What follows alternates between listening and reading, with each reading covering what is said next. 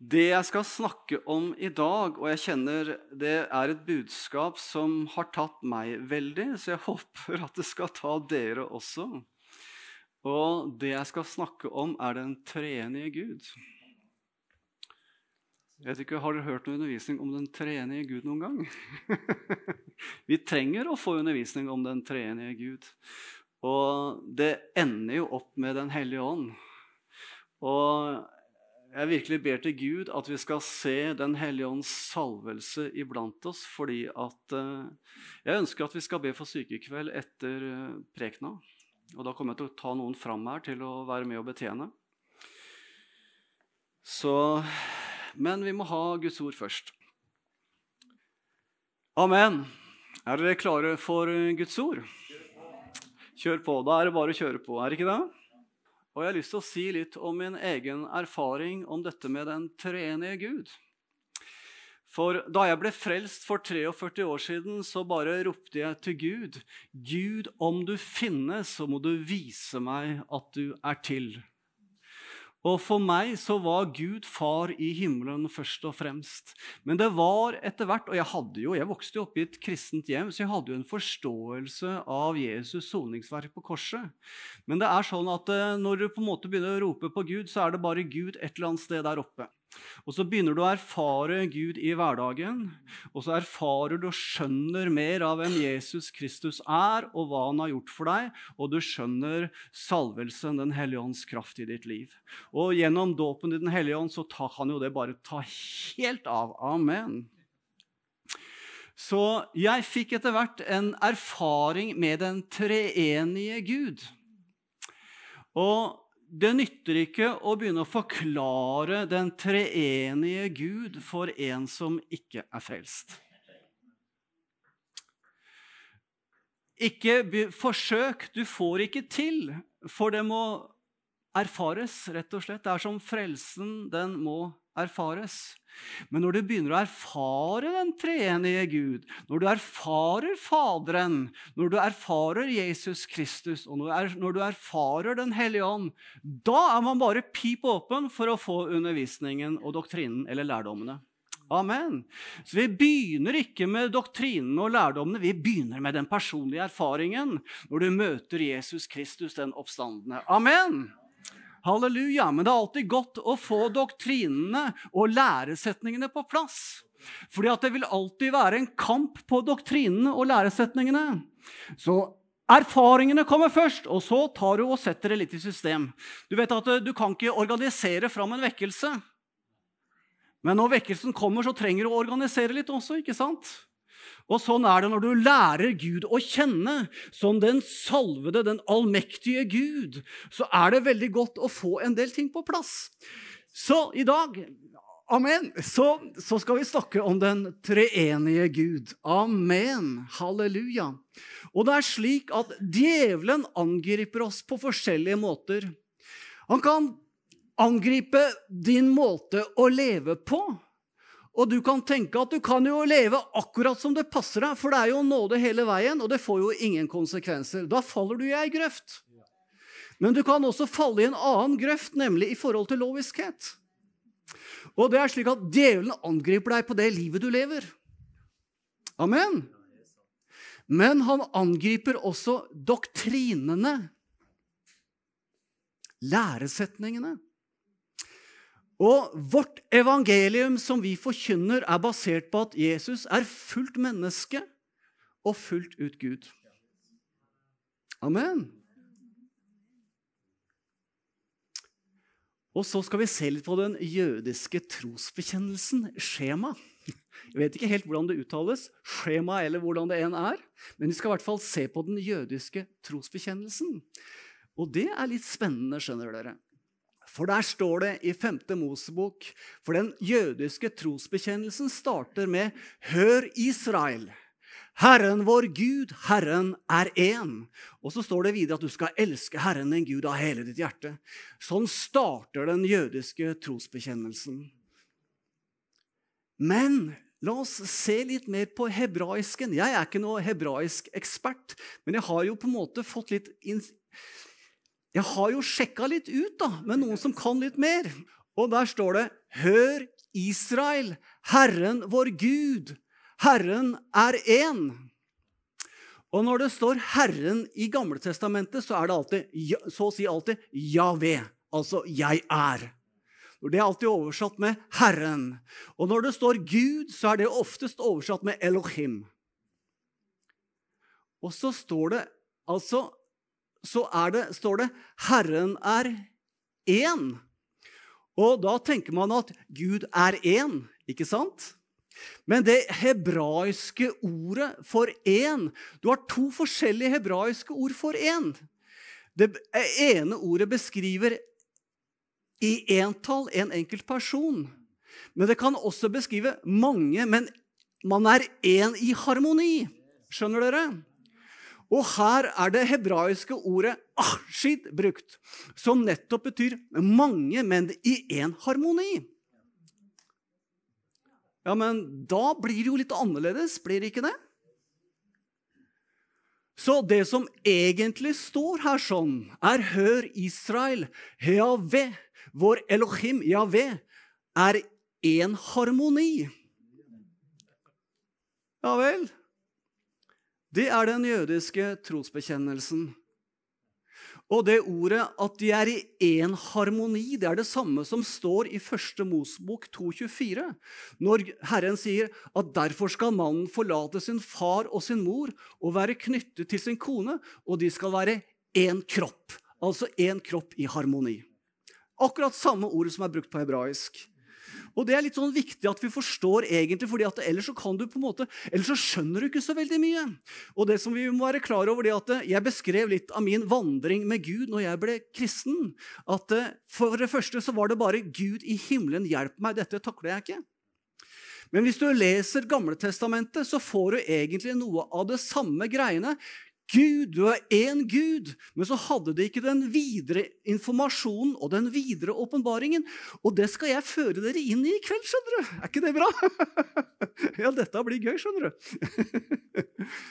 og der står det i begynnelsen så skapte Gud Elohim, himmelen og jorden. Det står altså helt i begynnelsen av første Mosebok, i begynnelsen av Det gamle testamentet. Amen. I begynnelsen så skapte Gud Elohim, himmelen og jorden. Men du skjønner det at Elohim vet du, skjønner du, det er et flertallsord. For El er ordet for Gud. Men Eloha er ordet for to. Men Elohim er ordet for tre. Oi, ikke sant? Altså, Og de som kjenner til det hebraiske språket når de leser dette, de blir jo litt forvirra, vet du. For grammatikken den blir helt gæren. Fordi at det, i begynnelsen så skapte Gud, altså i flertall, himmelen og jorden. Da står Gud i flertall, men verbet 'skapte' står i entall. Og kan du hebraisk, så får du litt problemer med grammatikken.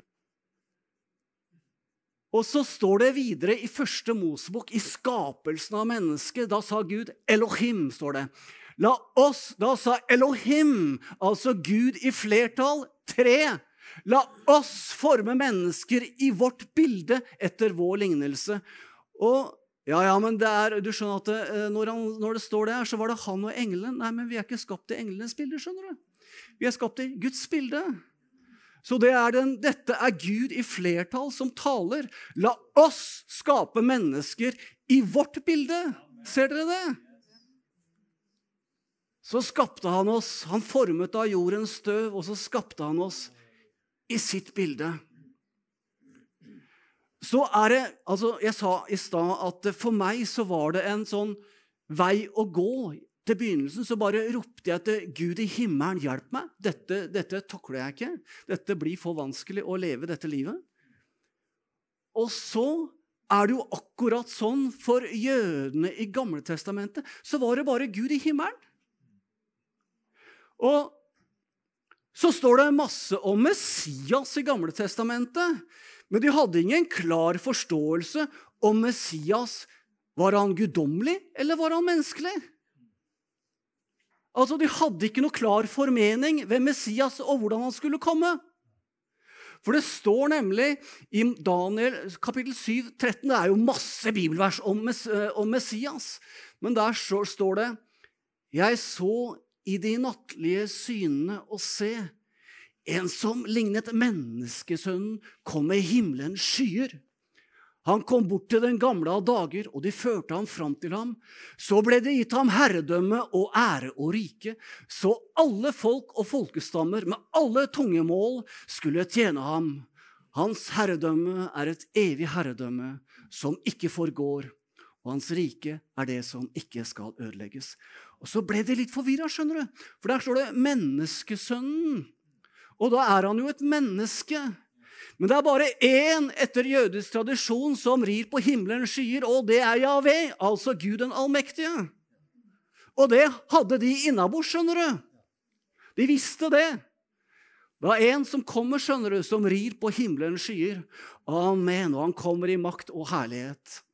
Så det var det ene spørsmålet i Gamle Testamentet som ikke de fikk svar på når de leste Gamle Testamentet. Men det var ett spørsmål til, skjønner du. Og det var om Den hellige ånd. Var han en kraft, en upersonlig kraft, eller var han en person? Så etter at du har lest i Gamle Testamentet, så sitter du igjen med en del spørsmål. Hvem var egentlig, hvem er egentlig Messias? Er han fullt ut menneske? Er han bare fullt ut menneske? Eller er han bare Gud og fullt ut menneske? Og hvem er egentlig Den hellige ånd? Er han bare en upersonlig kraft, eller er han en personlig Gud? Det får du ikke svar på i Gamle testamentet. Og så kommer du inn i Det nye testamentet. Og da er det slik at Paulus i Efeserbrevet han siterer den jødiske trosbekjennelsen, han. Gud er én i harmoni. Og Jakob, når han skriver Jakobs brev, det var jo broren til Jesus, ikke sant? så sier han altså Du tror at Gud er én, ikke sant? Og du tror rett. Én i harmoni. Og så siterer Jesus i Markus 12, 29 den jødiske trosbekjennelsen. Og så sier han Jesus svarte, 'Det første av alle budene er:" Hør, Israel, Herren vår Gud, Herren er én. Så du fører den samme tankegangen fra Det gamle testamentet inn i det nye. Gud er én i harmoni. Ser dere det? Hallo? Gud er én i harmoni. Så Det nye testamentet gir svar på begge spørsmålene, skjønner du. Ikke bare det at det understreker det, at Gud er én Gud, én Gud i harmoni. Men den forklarer oss også hvem Messias egentlig er. Og dette er jo en spennende reise. Det er jo sånn mitt liv var, som jeg sa i stad. Jeg skjønte hvem Gud var, at han var en Gud i himmelen. Men etter hvert så begynte jeg å erfare ikke bare Jesus Kristus, men også Den hellige ånd. Og det er dette som er så fantastisk med Det nye testamentet. Altså, er Messias Gud eller menneske? Og dette svarer Det nye testamentet på. Og er Den hellige ånd en kraft eller en person? Er Den hellige ånd en personlig kraft? Og dette svarer Det nye testamentet veldig klart på. Og hør nå. Dere skjønner det. At da Jesus var sammen med disiplene sine, så skjønte ikke de helt hvem han var til å begynne med. De så mirakler. De så syke ble helbredet. De så at han mettet 5000 mennesker. Det var voldsomme ting som skjedde. Døve hørte, blinde så.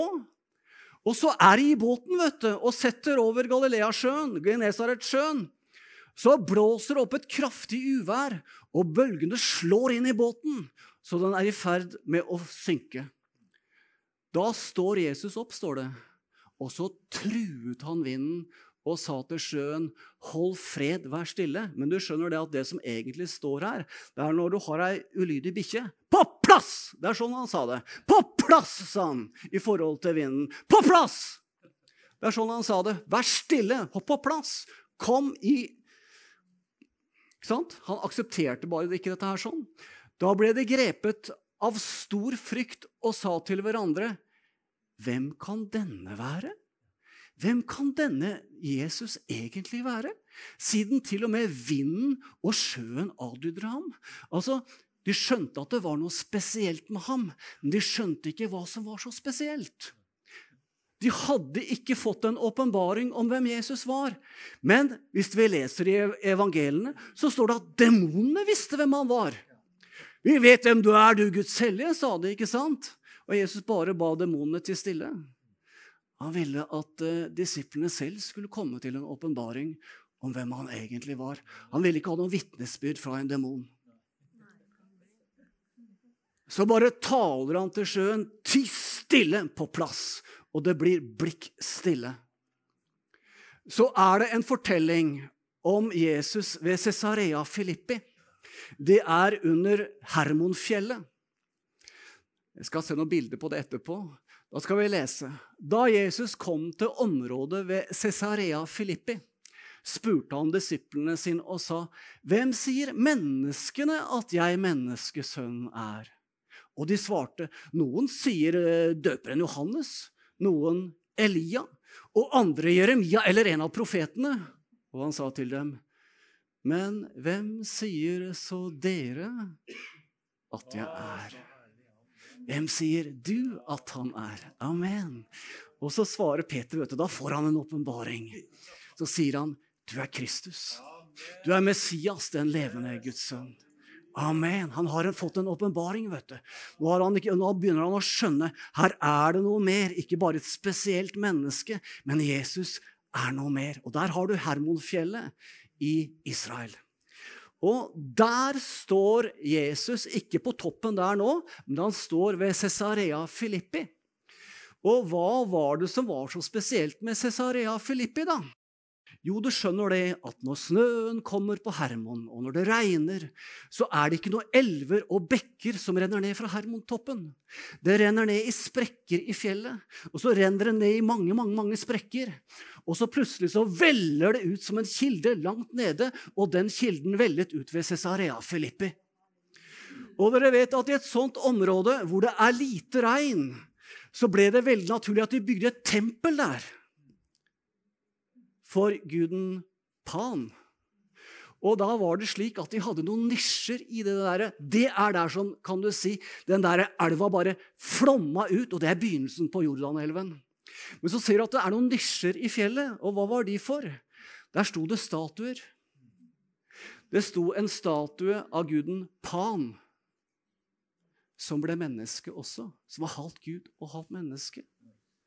Og så sto det en statue av Cæsar, keiseren, som var et menneske som påberopte seg å være Gud. Og da spør Jesus, har dere skjønt hvem jeg er? Han står ved tempelet i Cesarea Filippi, hvor det er en gud som ble menneske, og en menneske som påberopte seg å være Gud.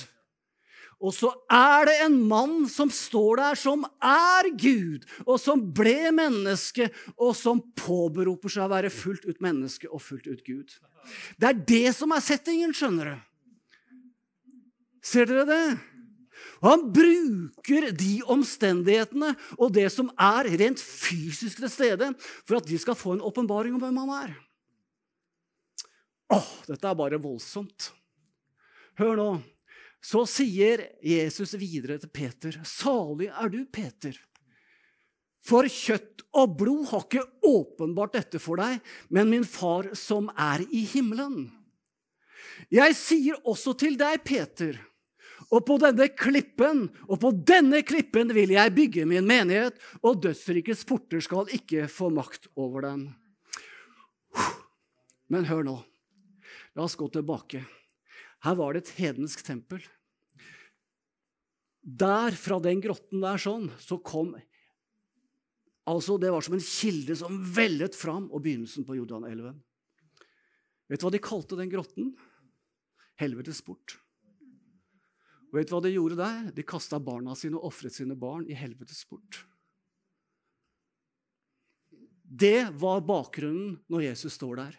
Det er en gud som heter Pan, som var halvt menneske og halvt gud. Det er et bilde av Cæsar, som, som var et menneske som påberopte seg å være Gud. Så står et menneske som i sannhet er fullt ut Gud og fullt ut menneske. Og så sier han noe mer. Han sier noe mer. Peter, på denne klippen, på denne åpenbaringen om hvem jeg er, sann Gud, fullt ut Gud, skal jeg bygge min menighet. Amen. Og dødsrikets porter, altså det kaltes helvetes port der han sto. Dødsrikets port. Og så er det en litt rar oversettelse, skal ikke få makt over den.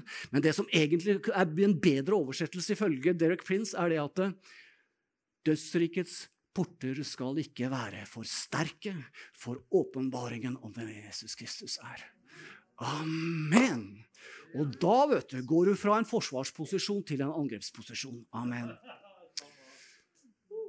Så er det en fortelling om Jesus når han vokser opp. Allerede som tolvåring kan vi lese det, at han kalte Gud for sin far. Dere husker den fortellingen, ikke sant? Og da Jesus var tolv år, så reiste de til tempelet i Jerusalem. Hva var det som var så spesielt med tolvårsalderen for en jødisk gutt? Da Da ble han voksen. Fra tolvårsalderen De hadde noe de kalte bar mitzvak. Jeg vet ikke hvordan det uttales. Men altså på hebraisk, disse jødene På det tidspunktet så skulle gutten selv ta ansvar for å følge loven. Da var det ikke lenger foreldrenes ansvar. Så leser vi om fortellingen om at de har vært i Jerusalem, og så er de på vei hjem. Og Da gikk de opp i to og en halv mil om dagen, og da gikk kvinnene og barna først. For å sette leiren i stand når mennene kom etter. Og fram til tolvårsalderen så gikk guttene, alle barna, sammen med mora, moderen. Men etter tolvårsalderen, da gutten var blitt mann, så gikk han sammen med faren. Så Derfor så var det ikke så veldig rart. For Maria trodde at han fulgte Josef, ikke sant? For han var jo blitt mann. Men Josef tenkte han er jo ikke egentlig min sønn, han er Guds sønn, så han går vel sikkert med Maria. Ikke sant? Og så oppdager de at ja, men Jesus er jo ikke her. Og Så går de tilbake og så leter de tre dager uten å finne han. Til slutt så finner de han i tempelet. Og så sier Jesus, 'Hvorfor lette dere etter meg?' 'Visste dere ikke at jeg måtte være i min fars hus?' Barnet var blitt mann, og når gutten er blitt mann, så følger han i sin fars fotspor. Amen.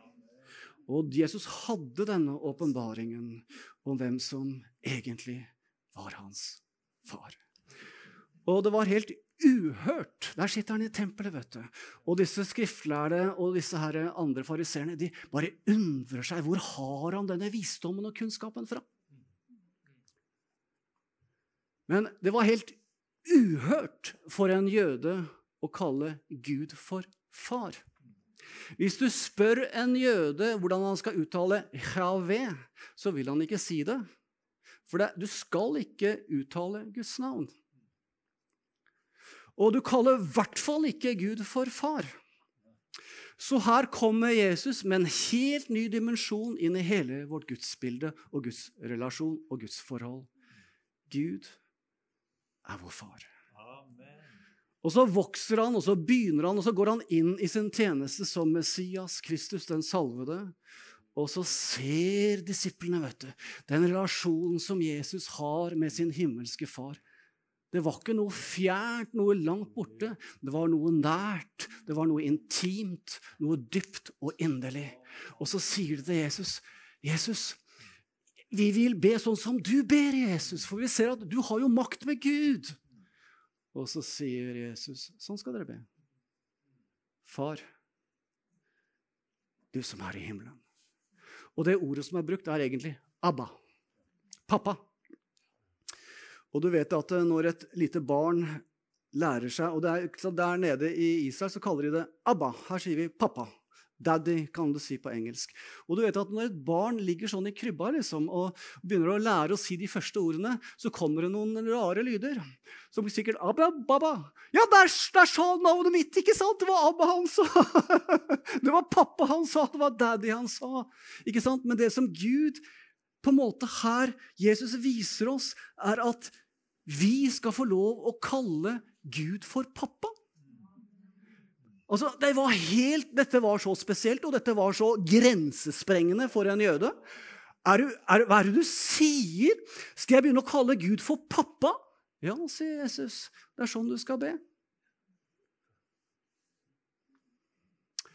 Og så, ikke sant? Det vi ser, er det at det, det som er åpenbaringen i Det gamle testamentet Nå fører vi den inn i Det nye testamentet. Og så ser vi at alle, de fleste som skriver, Fem av de seks som skriver brevene i Det nye testamentet, de kom med denne proklamasjonen at Gud er én i harmoni. Da bare drar de fra femte boksbok, kapittel 1, eller kapittel 6, inn i Det nye testamentet. Men så er det én person, en av disiplene til Jesus, som levde og ikke på en måte møtte martyrdøden som alle de andre. Og det er jo litt spesielt, fordi at uh, alle de andre uh, disiplene av apostelen de møtte martyrdøden relativt tidlig. Men det var én som ikke møtte martyrdøden så tidlig. Men husk nå Jesus henger på korset. Så ser han ned på Johannes, og så sier han til Johannes, 'Det er din mor'. Og skjønner dere hva Jesus hadde? Omsorg for sin jordiske mor. Jesus lot Johannes fullføre omsorgen for hans mor Maria. Altså, Gud tar jo vare på oss i alle, alle, alle ting. Så skjønner du, fordi at det, det, som skjedde etter kan du si, den første menigheten ble etablert og evangeliet gikk ut, så ble det veldig fight og strid på en del grunnleggende guddommelige sannheter om Jesus Kristus. Det var de som mente at han kom jo egentlig ikke som et menneske. Han kom bare som en ånd. Et eller annet sånn fantom som bare svevde av gårde. Og så var det andre som sa at nei, du skjønner det at uh, han var egentlig ikke Gud, han var bare et menneske. Så skriver Johannes evangeliet sitt, som, er, som det siste av evangeliene, for å bare slå den spikeren så grundig fast at fra nå av er det ingen tvil. Han er Gud. Han er Gud. Han er Gud. Og da beskriver Johannes syv voldsomme mirakler som skal bekrefte Jesu guddommelighet. Vann til vin. Blindfødte får synet tilbake. Han som har vært lam i 38 år, han begynner å gå. Lasarus vekkes opp fra de døde på fjerde dagen, osv., osv. Han går på vannet. Dette er guddommelige tegn som bekrefter at Jesus er Gud. Men så stopper ikke evangelisten eller eh, apostelen Johannes der. Han kommer med syv. Han, ref, han refererer til syv 'jeg er'-utsagn av Jesus. Og hver gang Jesus sa 'jeg er', så sa han egentlig 'Jave'. Jeg er den jeg er. Jeg er den jeg er, livets brød. Så hver av disse syv proklamasjonene er guddommelige proklamasjoner at Jesus er Javé. Og han stopper ikke der, skjønner du. For i tillegg så er det syv vitnesbyrd i Johannes evangeliet om at han er sann Gud. Og Det første møter vi i Johannes kapittel 1 og vers 1. I begynnelsen av ordet. Ordet var hos Gud, og ordet var Gud. Ikke sant? Altså, her, her, tar, her tar altså, Johannes tar jo storslegga, og så tar han den der spikeren og så bare dunker han den så grundig ned at det er ingen som klarer å trekke den opp igjen. Og så fortsetter han. Dere vet at hvis, og Da er det syv sånne vitnesbyrd om at Jesus er Gud i Johannes evangeliet. Det første er det som står i kapittel 1, og så fortsetter det utover. Og på slutten så, ser, så husker dere den fortellingen etter oppstandelsen, hvor Thomas ikke er til stede ved oppstandelsen.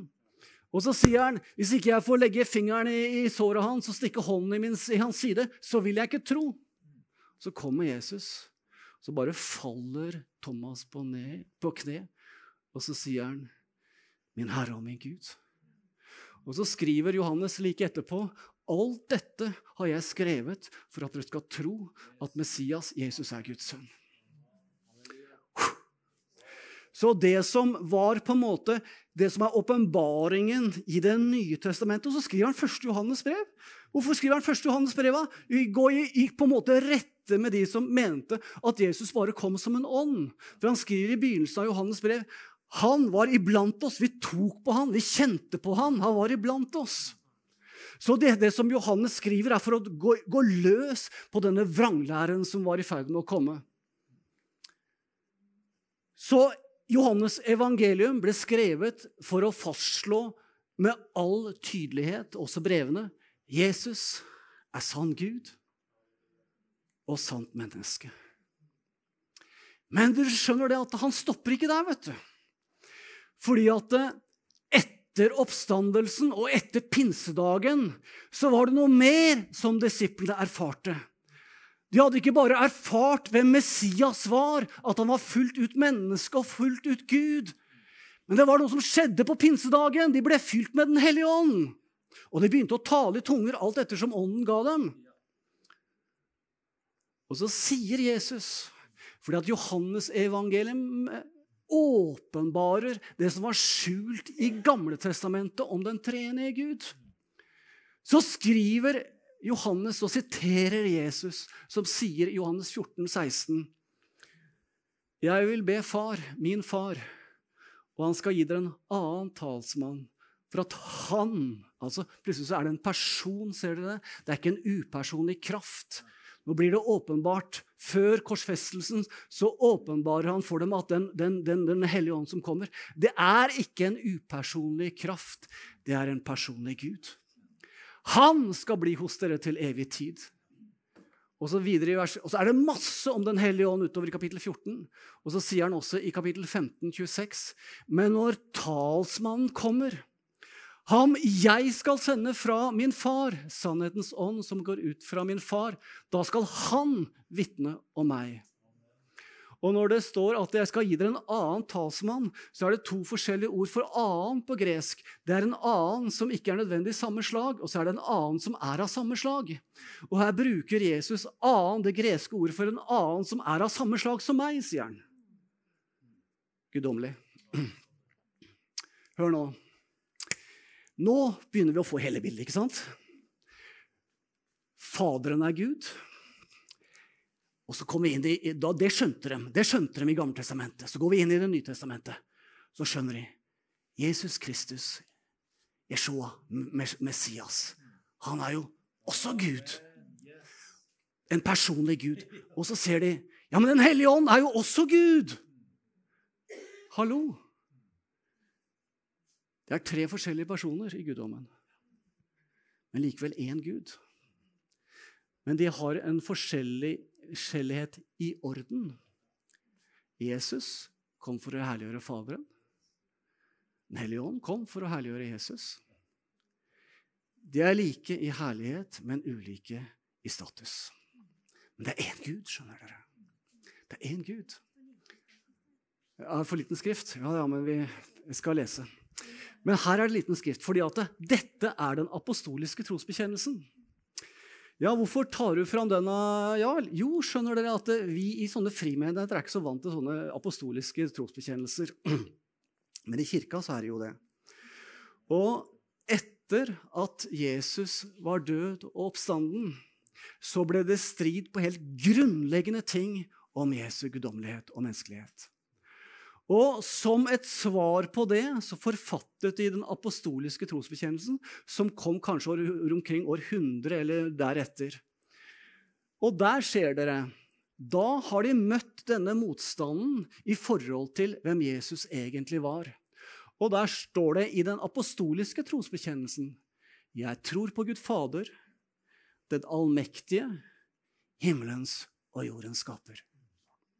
Jeg tror på Jesus Kristus, Guds enbårne sønn, vår Herre, som ble unnfanget ved Den hellige ånd, født av jomfru Maria, pint under Pontius Pilatus, korsfestet, død og begravet. Ja, Hvorfor står det om det? Ja? Jo, fordi at eh, alle som er født, de dør. Og det er ethvert menneske som er født, dør. Altså Det beskriver hans menneskelighet. Han er født som et menneske. Ser dere det? Det understreker Jesu menneskelighet, men samtidig hans guddommelighet. For ned til dødsriket, stå opp fra de døde tredje dag, for opp til himmelen, sitter ved Guds den allmektige Faders høyre hånd. Jeg skal derfra komme igjen for å dømme levende og døde. Hvem er det som på en måte har fått autoritet til å dømme levende og døde? Det er Gud. Jeg tror på Den hellige ånd! Ikke sant? Her på en måte Det de understreker i den apostoliske trosbekjennelsen, er den treenige Gud. Og at Jesus kom som et vanlig menneske og døde som et menneske.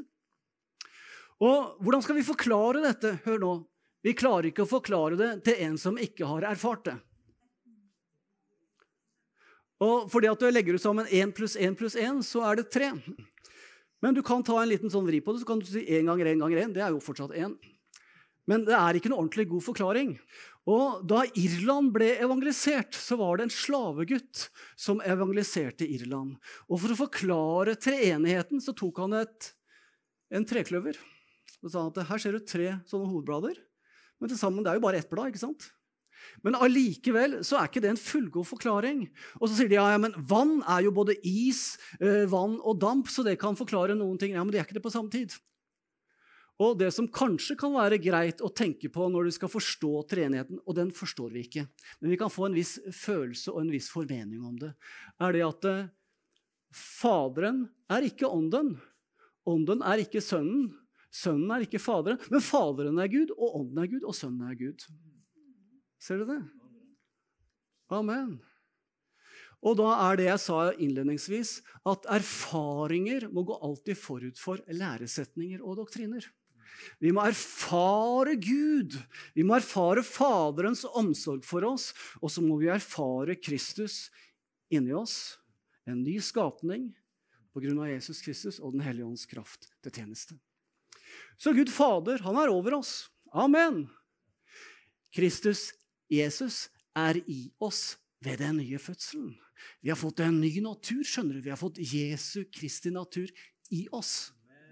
Også i vår nye natur så bor Den hellige ånd. Når du blir døpt i Den hellige ånd, så, så er det bare et påfyll av åndelig kraft. Så gjennom dette troslivet og denne vandringen med Gud, så får du erfaringer om den treenige Gud. Amen. Og hør nå. Gud er kjærlighet. Og de tre personene i guddommen er i fullstendig harmoni med hverandre. Men vet du hva? Den samme harmoni som er mellom Faderen, Sønnen og Den hellige ånd Den samme harmonien gjorde Jesus mulig for at vi skulle komme inn i ved den nye fødselen. Wow! Altså Forbildet for vår relasjon med Gud og med hverandre er den harmonien som er mellom Faderen, Sønnen og Den hellige ånd. Amen! Dette her er jo helt fantastisk. Ser dere det? Vi er invitert inn i Guds kjærlighetsfamilie. Vi er hans adopterte sønner og døtre. Amen! Og den harmonien. Og det var jo det Jesus sa. Jeg ber om at de alle må være ett, slik som du, far, er i meg og jeg i deg, at også de må være ett i oss, for at verden skal tro at du har sendt meg. Og da, skjønner du, du gjenoppretter harmonien i dine relasjoner. For vårt forbilde er den harmonien og enheten som er mellom Faderen, Sønnen og Den hellige ånd. Og dette er så bra, altså. Halleluja. Men skjønner dere? Altså, kjære Gud, hva Gud har gitt oss. I den treenige Gud. Amen. Og så kan vi komme, altså På grunn av Jesu død og oppstandelse på korset så har jeg blitt en helt ny skapning. Jeg har fått Jesu natur på innsiden i mitt indre menneske. Og så har Den hellige ånd flytta inn der på toppen. Og så kan jeg la den harmonien som er i mitt indre menneske, flyte ut gjennom min sjel til de menneskene som jeg lever sammen med. Og vet du hva? Da går du ikke og bærer på utilgivelse og all den skitten. vet du, Bitterhet og alt det der sånn. Du bare gir slipp på hele bøtteballetten, og så lar du Den hellige ånd bare flyte gjennom deg, for du har fått Guds natur på innsiden. skjønner du. For når Jesus døde og sto opp igjen, så fikk du del i hans oppstandelse, og du ble en ny skapning på innsiden. Så du må ikke la sjelen din stoppe floden fra himmelen. Og det skal jeg snakke om neste gang. Eh, men, men hør nå, folkens. Dette Altså, Gud har skapt oss som en treenig skapning, og vi har kommet inn i Guds familie.